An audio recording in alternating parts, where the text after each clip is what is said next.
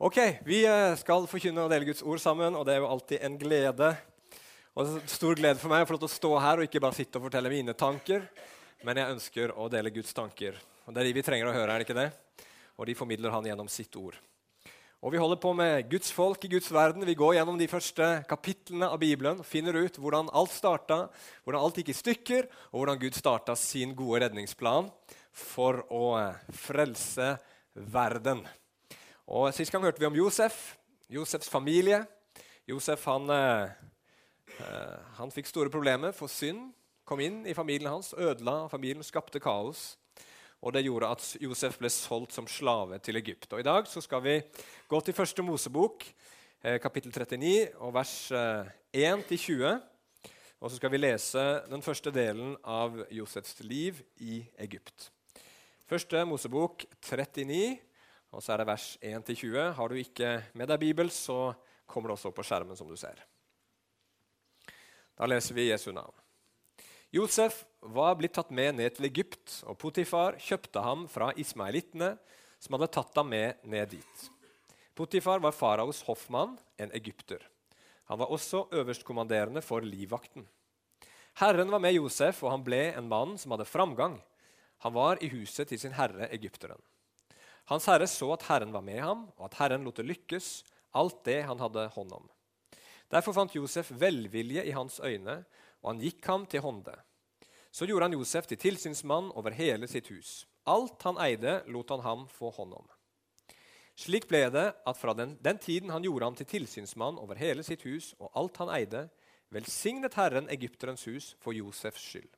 Herrens velsignelse hvilte over alt han hadde i huset og på marken. Slik overlot han alt han eide, i Josefs hånd. Selv fulgte han ikke med på noe bortsett fra brødet han spiste. Josef var vakker av skikkelse og utseende. Etter alt dette skjedde det at hans herres kone rettet sine øyne mot Josef, og hun sa, 'Ligg med meg.' Men han avslo og sa til sin herres kone, 'Se, min herre følger ikke med på noe i huset, og alt han eier, har han latt meg ta hånd om.' Det er ingen som er større enn meg i dette huset. Han har ikke forbeholdt noe for seg selv, bortsett fra deg, for du er hans kone. Hvordan kan jeg da gjøre en så stor ondskap og synde mot Gud? Og slik gikk det til at hun talte til Josef dag etter dag, men han lydde henne ikke, så han lå med henne eller var sammen med henne. Men så skjedde det en gang at Josef gikk inn i huset for å gjøre arbeidet sitt, og ingen av mennene i huset var inne. Hun grep tak i kappen hans og sa, 'Ligg med meg.' Men han lot kappen sin bli igjen i hånden hennes, flyktet av sted og for ut. Så talte hun med de samme ordene til ham og sa.: Den hebraiske tjeneren som du har ført til oss Var det noe som forsvant der? Det var det. Da var det en feil. Da får jeg bare ta det her. Da hun så at han hadde latt kappen sin bli igjen i hånden hennes og flyktet ut, ropte hun på mennene i huset, og hun talte til dem og sa:" Se, han har ført eh, til oss en hebreer for å vanære oss. Han kom inn for å ligge med meg, og jeg ropte med høy røst. Det skjedde da han hørte at jeg hevet røsten eh, og ropte, at han lot kappen sin være igjen hos meg, og så flyktet han av sted og for ut av huset. Så tok hun vare på kappen hans til hans herre kom hjem. Så talte hun med de, de, samme ordene til ham og sa, den hebraiske tjeneren som du har ført til oss, kom inn til meg for å vanære meg. Det skjedde da jeg hevet røsten og ropte, at han lot kappen sin bli, bli igjen hos meg og flyktet ut av huset. Slik gikk det til at Hans Herre fikk høre hva hans kone fortalte ham da hun sa, 'Dette gjorde din tjener med meg.' Da ble hans vrede opptent, og Josefs herre grep Josef og satte ham i fengselet, et sted der kongens fanger ble holdt fanget. Og han ble der i fengselet. Ja, kjære himmelske Far, denne historien som uh, er gammel, og allikevel aktuell Gud på mange måter. Som sier noe om at mennesket ikke har forandra seg så fryktelig mye. Og at både urettferdighet skjer, Herre, og eh, vanskelige fristelser kommer i menneskers vei, Gud. Men Herre, vi takker deg for at disse ordene her er ikke bare skrevet for å fortelle noe som skjedde for lenge siden. Men de er skrevet til vår oppbyggelse, til vår hjelp, til vår formaning, og for at vi skal skjønne hvem du er, Jesus. Så vi ber Herre om at du må ved din Hellige Ånd gjøre disse ordene levende. Hjelp meg å si det du har lagt på mitt hjerte, Gud. Og la det bli mat for oss. La oss få gå herifra i dag og bli bygd opp, rettleda, styrka. La vår kjærlighet til deg bli større, Gud. La vårt hjerte brenne mer, Herre, i Den hellige ånd. Og la oss få bringe håp til mennesker gjennom ditt ord og din kraft. I Jesu navn. Amen. Ok, Dagens eh, budskap har jeg gitt tittelen 'En historie om lydighet'. Og Jeg har eh, fire underpunkter der. Det første er at lydighet gir velsignelse. Det andre er at lydighet blir prøvd. Det tredje er at lydighet gir problemer. Og det siste punktet mitt er at lydighet frelser. Det skal Vi se på. Vi begynner med punkt nummer én. Lydighet gir velsignelse. Som dere hørte i historien, så kommer Josef til Egypt. Han er eh, solgt som slave, og han blir kjøpt av en mann som heter Potifar, en høytstående egyptisk embetsmann. Og så blir han da sånn husslave i huset hans. Eh, og Så får vi høre i de første seks versene av det vi har lest, at ting går veldig bra for Josef. Han lykkes med alt det han holder på med. Og han lykkes så godt at Potifar, som er sjefen i huset, han legger merke til Josef og ser at dette er en mann som lykkes med det han gjør. Og Det står det var fordi Gud var med han. Og Dermed så gir Potifar Josef mer og mer og mer ansvar til han setter han over hele huset hans. Og han får ansvar for alt, og dermed så blir alt i Potifars hus både det som skjer i huset og det som skjer på marken, blir velsigna gjennom Josef. Og så kan vi jo stille spørsmålet hvorfor i all verden skjer det? Hvorfor blir Josef velsigna? Hvorfor blir han, eh, hele Potifars hus velsigna gjennom Josef? Jo, jeg tror det er så enkelt som dette her. Gud gir i hele sitt ord og veldig mange ganger i Det gamle testamentet løfter om at de som lytter til Hans ord og lyder det, de skal lykkes i alt de gjør, står det. Og Et av eksemplene på det finner du i Josva 1,8. Jeg har henta det her fra en litt annen oversettelse enn den jeg bruker til vanlig. for jeg synes det sto veldig bra der. I Josva 1,8 så sier Gud dette løftet her til Josva. Denne loven, altså det som er i Guds ord, skal du alltid ha på dine lepper. Les fra lovboken dag og natt, så du trofast følger alt det som er skrevet i den. Da skal du ha framgang der du ferdes, og alt skal lykkes for deg. Ganske herlig løfte. Du kan lese et lignende løfte i Salme 1. Den som grunner på Herrens lov dag og natt, han skal være like tre plantet ved, ved, ved rennende bekker. Og så står det til slutt og alt han gjør, skal han ha lykke til. Josef han lyktes ikke bare fordi Gud tilfeldigvis bestemte seg for at han ville være med Josef. Men Josef lyktes fordi han var en mann som lyttet til Gud, fulgte Guds ord. Og dermed så var Guds velsignelse over, over livet hans. Han var en mann av integritet, han var en mann av sannhet, og han var en mann av trofasthet. Og det er klart, det var derfor en av grunnene til at Potifar ga han tillit. Det var ikke han bare så at ting lyktes, men han så at Josef var en mann han kunne stole på. Josef var en mann som snakka sant. Josef var en mann som gjorde det han skulle gjøre. Josef var helstøpt, og dermed så kunne Potifar være trygg på å overlate alt sammen til Josef. Josefs lydighet brakte velsignelse både til han og til de rundt han. Og sånn er Bibelen full av løfter om. Lydighet bringer velsignelse. Er det sant? Stemmer det? Vel, et veldig konkret eksempel på det som eh, eh Gud, hvor Gud lover oss velsignelse og utfordrer oss til å prøve han, teste han på det, det finner vi med det som har med tienden å gjøre. Malaki 3 og vers 10 der står det Bring hele tienden inn i lagerhuset, så det kan være mat i mitt hus. Prøv meg nå i dette, sier herskernes herre, om jeg ikke vil åpne himmelens sluse for dere og utøse en slik velsignelse for dere at det ikke er rom nok til å ta imot den. Ok, Hva i all verden er tienden? Jo, Bibelen forklarer det at 10% av inntektene våre de tilhører Gud. Og de skal vi gi tilbake til Han, inn i Hans rike og inn i den menigheten man tilhører. Og så lover Gud når vi gir av våre inntekter, at han vil velsigne tilbake.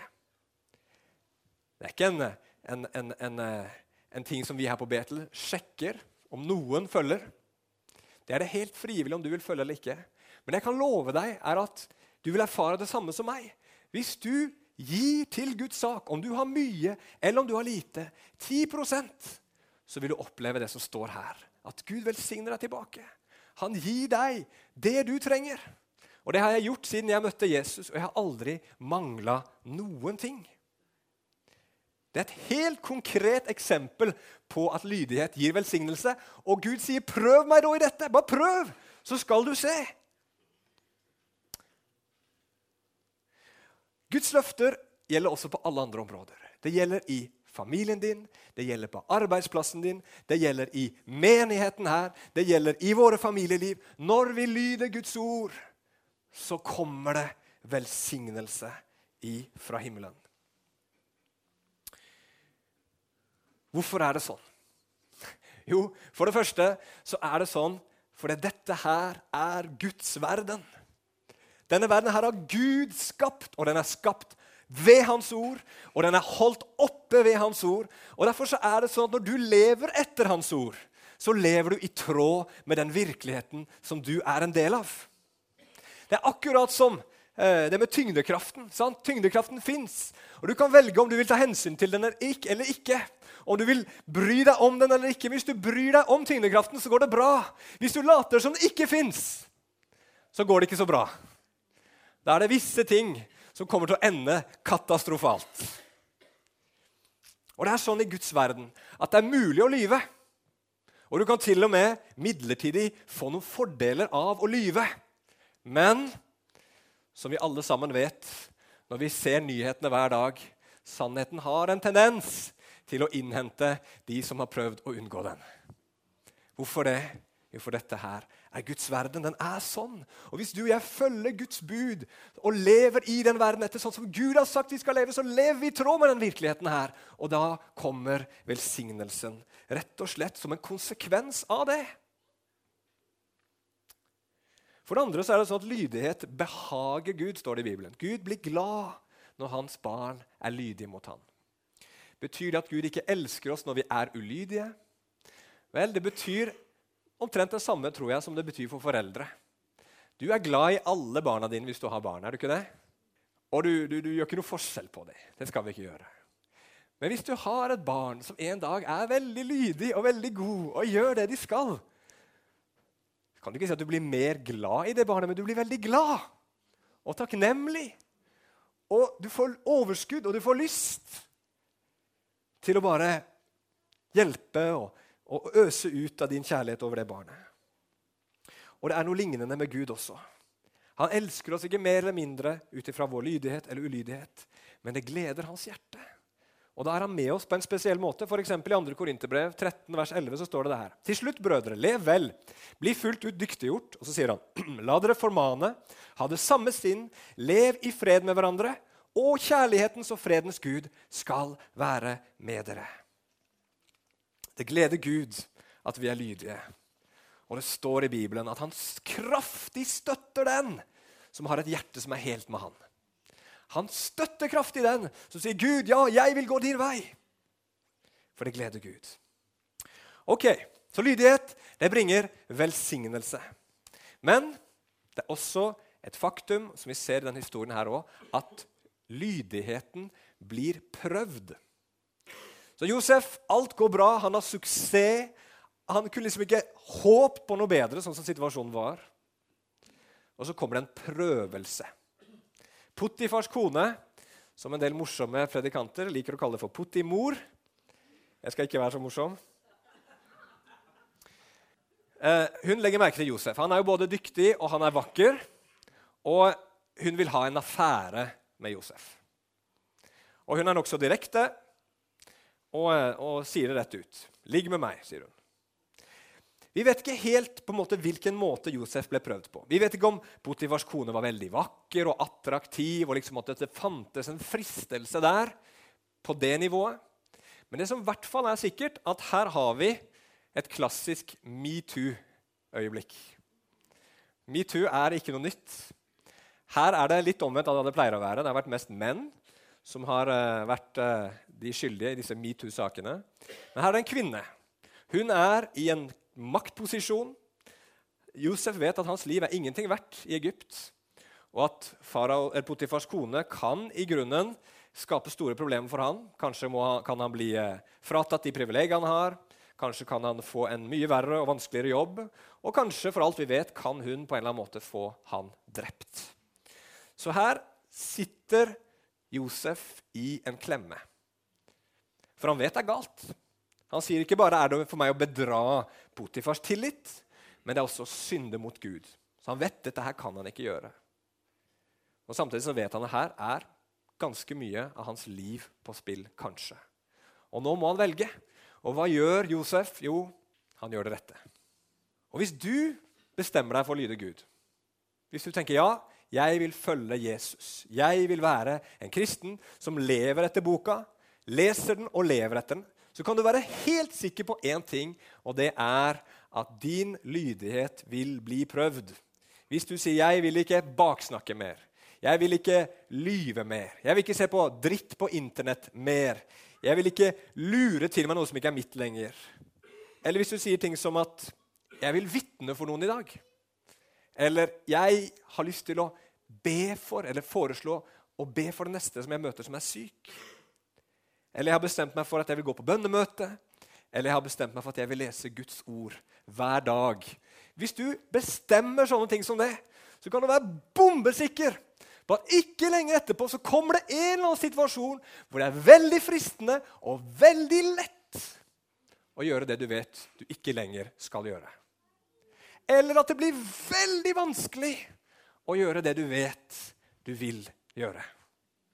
Og Hva skjer da? Jo, da blir lydigheten vår prøvd. Det fins en kristen film som heter 'Courageous'. Er det noen som har sett den? Den er noen som har sett ja. Veldig fin film. Har du ikke sett den, så se den. Eh, den handler om eh, noen politimenn som roter til livene sine, for de er dårlige fedre og dårlige ektemenn. Men så bestemmer de seg for at de vil bli Guds menn. Gode ektemenn, gode fedre.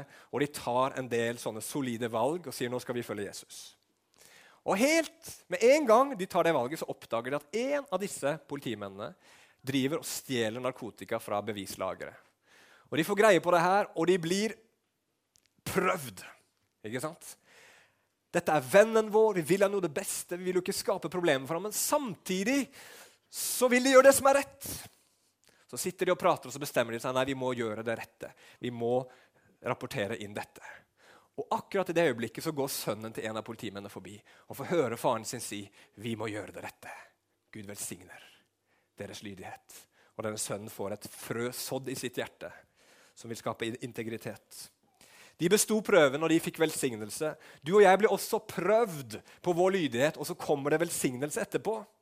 Og Josef han står fast. Han avviser ikke Potifars hustru, selv om hun prøver gjentatte ganger. Om igjen, om igjen, om igjen. Kom her, Ligg litt ved siden av meg. Prøver seg på forskjellige måter.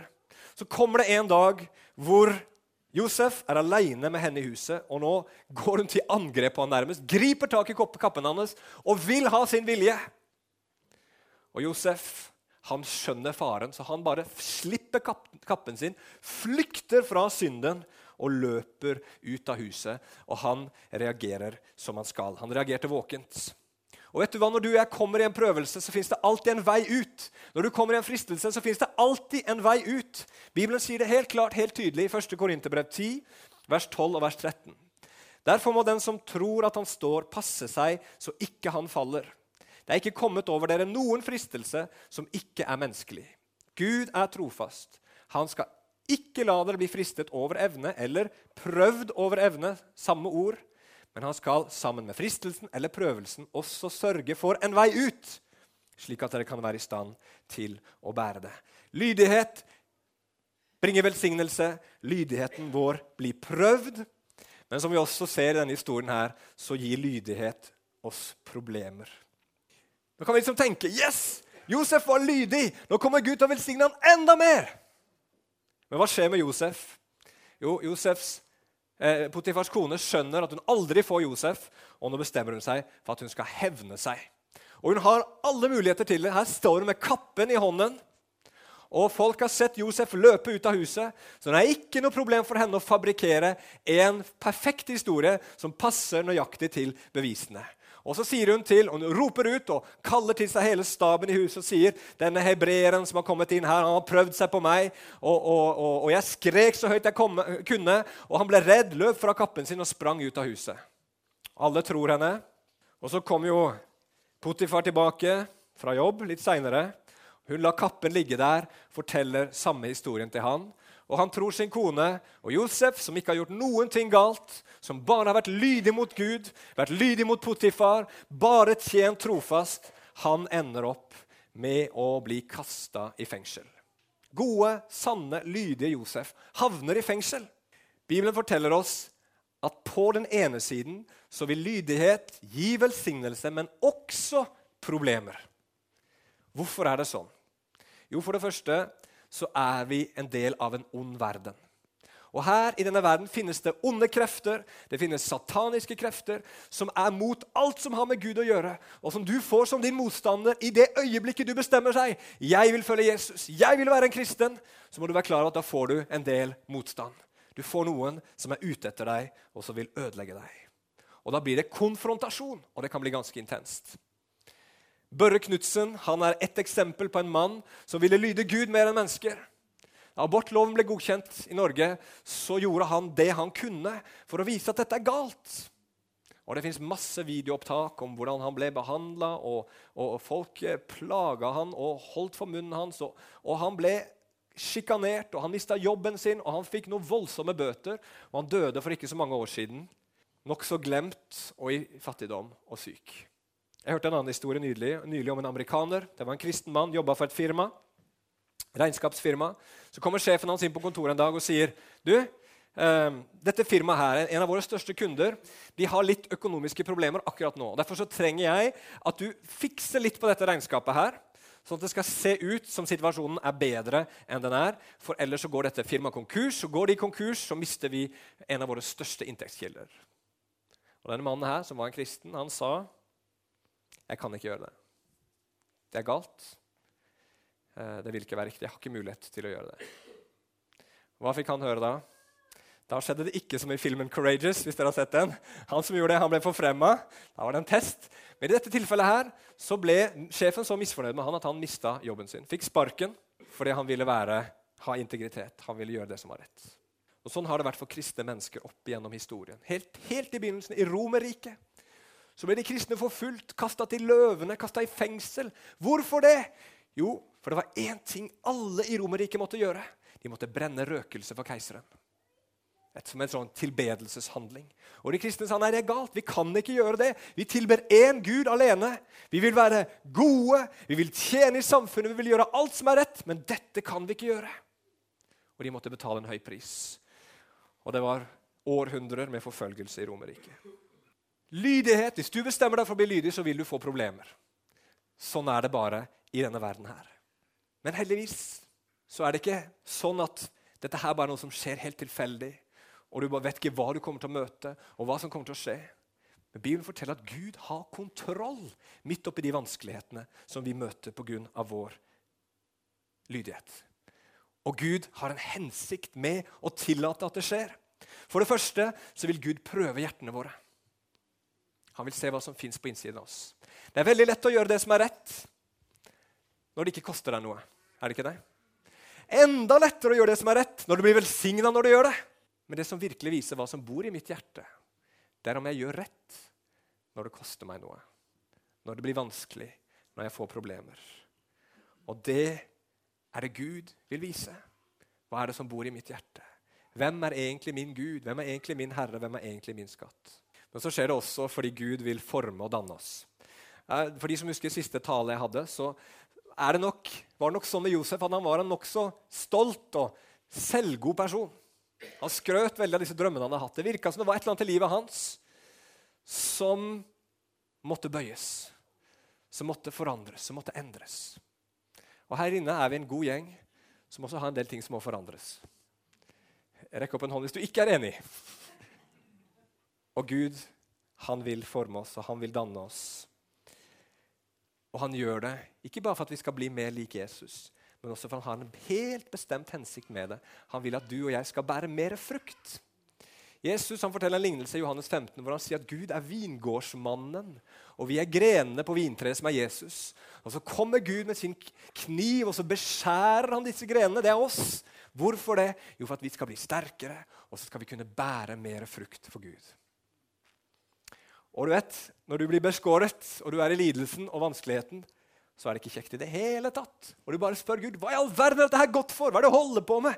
Hva, hva i all verden skal jeg med dette her? Det er ikke gøy i det hele tatt! Det er bare tull, Gud! Du vet ikke hva du driver med. Men Gud vet nøyaktig hva han gjør. Han vet nøyaktig hva vi trenger. Han vet hvilke knapper han skal trykke på, hvor de ømme punktene i livet vårt er. Sånn at vi skal kunne vokse, bli forandra og bli forandra og bli fri. Ok, mitt siste punkt lydighet frelser. Ok, Nå skal vi være litt ærlige, alle sammen. Er det noen som er inspirert her nå til å være litt lydige? Ja, noen. lydige mot Gud, ikke sant? Det er bra. Josefs lydighet er inspirerende. Men la oss være skikkelig ærlige. Lydighet er fryktelig vanskelig. Bare ta denne boka her. Les gjennom Matteus' evangelium. Og så sier du nå skal jeg leve alt dette. Å, det kommer til å få kamp. Å, det kommer til å bli vanskelig. Å, det kommer til å bli krevende. Vende det andre kinnet sitt til. Og gi til den som hver den som ber dere. Og selge alt du eier, og gi til de fattige. Når Jesus kommer og krever lydighet av oss, så er det ingen av oss som klarer det. Selv midt i velsignelse så klarer vi det ikke. Og mye mindre i prøvelser og vanskeligheter. Og selv når vi vil være lydige, så merker vi mange ganger at vi har ikke kraften i oss til å gjøre det som er rett. Alle sammen sitter vi her inne og vet at vi har svikta flere ganger i våre liv. Vi visste hva som var rett, men vi gjorde det ikke. Og Bibelen forteller at på samme måte som lydighet bringer velsignelse, så bringer ulydighet forbannelse. Evig forbannelse borte fra Gud. Derfor så forteller Bibelen ikke bare historien om Josef, men historien om en som heter Jesus. Han har vi hørt om. En som var lydig absolutt i alt. Hans lydighet den brakte velsignelse til hele verden. Det står i Apostlenes gjerning 1038 at han gikk rundt salvet eh, av Gud med en hellig ånd og med kraft og gikk omkring og gjorde godt og helbredet alle de som var undertrykt av djevelen, for Gud var med ham. Det står om Jesus at hans lydighet da han gikk her på jorda, også ble prøvd.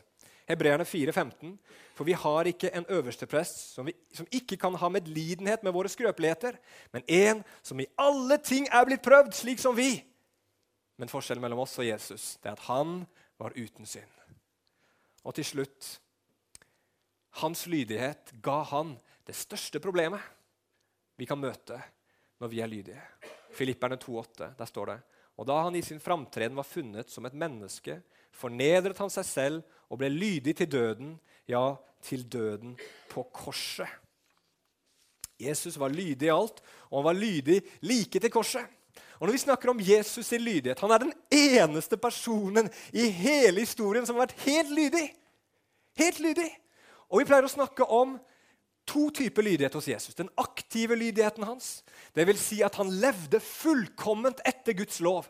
Han løy aldri. Han begjærte aldri. Han gjorde aldri noe ondt. Han, og det er jo et mirakel. Han hedra sin far og sin mor. Det er det ikke mange her inne som har gjort.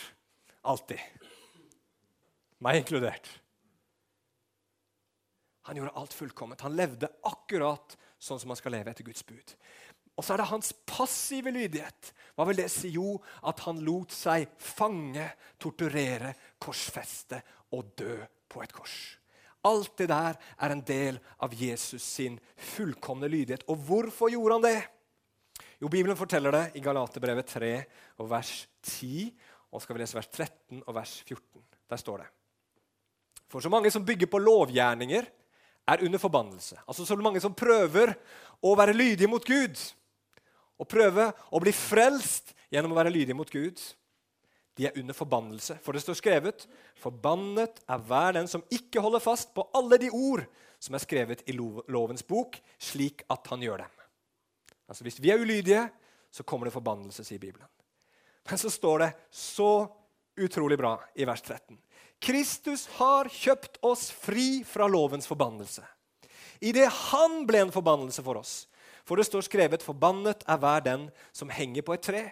For at Abrahams velsignelse skulle komme over hedningefolkene, det er deg og meg i Kristus Jesus, for at vi ved troen kunne få ånden som det var gitt løfte om.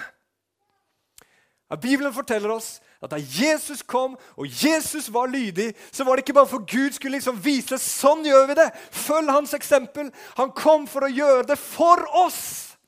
Han kom for å være lydig der hvor jeg var ulydig. Han sto der jeg falt. Og ikke nok med det. Han gikk til korset for å ta forbannelsen, straffen, konsekvensen for min ulydighet. Det forteller Bibelen oss.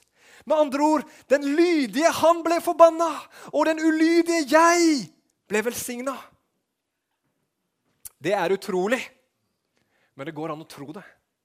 Ja, du må tro det, for det er sånn du tar det imot. Ved tro på Jesus så kan du stå som om du var fullkomment lydig framfor Gud.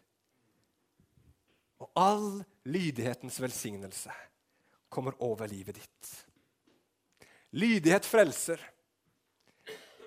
fordi Jesus frelste oss gjennom sin lydighet. Vi skal avslutte med dette spørsmålet her. Trenger vi da å lyde Gud? Er det så viktig nå som Jesus har vært lydig for oss, at vi nå lyder Gud? Svaret det gir seg sjøl i Bibelen. Jesus han gjør oss rettferdige, rene. Han tilgir oss vår synd ved at vi tror. Og så kommer det et fantastisk, nydelig ord i Bibelen som ingen liker. Og det er ordet omvendelse. Gjennom at vi tror og omvender oss, så får vi del i rettferdighet og velsignelse. Og hvorfor er omvendelse et nydelig ord? Det høres jo ikke sånn ut. Å omvende seg, hvorfor er det et nydelig ord? Jo, fordi at alle sammen er nødt til å være lydige mot noe. Og når du og jeg omvender oss, så sier vi Gud, Jesus, du skal være min herre. Du skal kontrollere mitt liv. Det er deg jeg skal være lydig mot. Og Hvis vi ikke har Jesus som herre og er lydig mot han, så er det all slags mulig andre ting som vil komme inn i livet ditt og kreve lydighet, som ønsker å kontrollere deg og være sjef i livet ditt. Frykt, f.eks. Hvor mange mennesker er ikke under frykten? Frykt er en grusom herre. Krever din lydighet. Den presser på og vil at du skal handle på en bestemt måte. Den driver deg. Den er, den er, tom. Det er ingen nåde i frykten, ingen fred i frykten. Men den kommer så lett inn og vil styre ditt liv. Vet dere hva jeg snakker om? Frykt er en grusom herre. For noen mennesker så er det lyst og begjær. Du vet, Vi er fulle av lyster og begjær til å gjøre ting, mange ting som er gale. Men hvis du gir deg til dine lyster, hvis du gir deg til dine begjær, sånn som noen mennesker i dette samfunnet sier er det beste for deg, så vil du merke en del ting. Du vil merke at den lysten og det begjæret som du først gjorde frivillig, etter hvert bare begynner å binde deg, fange deg, sånn at du til slutt ikke klarer å la være, selv om du ønsker å slutte. Og ikke nok med det, denne lysten og dette begjæret, den gir deg ingenting. Du ender opp så tom som du aldri har vært før. Fins ingen frihet, ingen tilfredsstillelse. Og etter hvert så må man bli nødt til å begynne å lyve for seg selv for å kunne bevare litt selvrespekt. Lyster og begjær er en grusom herre. Det fins alle slags mulige andre herrer. Noen av dere og noen av oss vi lever under forventningenes herredømme. Vi forsøker å gjøre alle sammen glade. Det er en grusom herre. det. En herre som aldri blir fornøyd. Det er ikke mye fred, det er ikke mye frihet. Noen lever under skyldfølelse og dårlig samvittighet. Kan du aldri gjøre nok kan aldri tilfredsstille din Herre. Noen kontrolleres av behovet for anerkjennelse. Man ønsker å bevise at man er noe. Det er en fryktelig ustabil herre. En grei herre å ha kanskje når du føler deg sterk og det lykkes. Men når du mislykkes, så fins det ingen nåde hvis du lever for anerkjennelse. Det fins mange herrer. Det fins mange som vil ha din og min lydighet. Men det er bare Jesus som er god. Og det er bare Jesus som er sånn at hvis du gir ditt liv til han og vil lyde han, så merker du at selv om du binder deg til Kristus, så finner du frihet. Selv om noen ganger fører til smerte og vanskeligheter, så finner du glede og fred. Selv om Jesus noen ganger sier ting som vi kan ha vanskelig for å forstå, så gir det nåde og liv når vi går på hans vei. Og Det fantastiske når du blir en kristen, er ikke bare det at du får en ny herre, men du får et nytt hjerte. Du får Den hellige ånd på innsiden, som gir deg kraft til å lyde. Som hjelper deg til å gjøre det som er rett og sant og godt. Til å gjøre det som bringer velsignelse. Og Derfor er Bibelen sånn mange ganger at den forventer at vi kristne skal være lydige. Ikke fordi det er lydighet som frelser oss, men fordi lydighet er frukten av frelsen. Og Da snakker vi ikke om en sånn fullkommen lydighet. Det er det ingen av oss som har. Men en helhjerta lydighet. Hvis Jesus har kommet inn i ditt liv, så kjenner du nå et, et rop i ditt hjerte. Ja, Gud, jeg vil! Jeg får det ikke alltid til, men jeg vil. Jeg vil gå på din vei. Og Så sier vi til Jesus, 'Ja, Herre, jeg vil at du skal være herre i mitt liv.' Ikke ha Jesus som din rådgiver. En som du spør 'Hva syns du nå, Jesus?' og så bestemmer du sjøl hva du vil gjøre. Da er Jesus bare en rådgiver. Ikke ha Jesus bare som en redningsbøye, en som til slutt liksom skal ta deg til himmelen når alt er over her nede. Men ha Jesus som din herre. Ha Jesus som din herre for det er veien til frihet, det er veien til liv, det er veien til håp. Det er veien til alt det som ditt og mitt hjerte lengter etter. At vi går med ham. Så la oss ransake hjertene våre helt til slutt. Hvem sitter på tronen i mitt hjerte? Hvem er det jeg lyder? Hvem er det som styrer i mitt liv? Er det frykten? Bekymringene som driver meg hele veien? Er det lystene mine? Er det behov for anerkjennelse? Er det andres forventninger? Hvem er det som sitter på tronen i mitt liv? Og så sier Jesus, 'Kom og gjør meg til herre.' Slipp meg inn. Kron meg i ditt liv. Og Så sier Jesus at han skal ta våre byrder. Han lover oss frihet, for den som Sønnen får frigjort, han blir virkelig fri. Han lover deg lys og sannhet. Han lover deg evig liv. Den som lever etter sine lyster, er levende død, står det i Bibelen. Men den som lever med Gud, han skal få overflod av liv. Amen. Herre, nå bare legger vi våre liv åpent framfor deg, Gud. Herre, du kjenner oss, du ser oss, du vet hvem vi er. Herre, ransak våre hjerter, våre nyrer, våre tanker. Se, Herre, om vi er på din vei, Herre, eller om vi har bedratt oss selv, Herre Far. La oss få se klart hvem som er på tronen i våre liv, Herre, så vi kan få hevet alle falske guder og falske herrer vekk og la deg få den plassen du skal ha, Gud. Veien til liv. Herrenes herre, kongenes konge. Du fortjener den plassen framfor noen andre. Amen.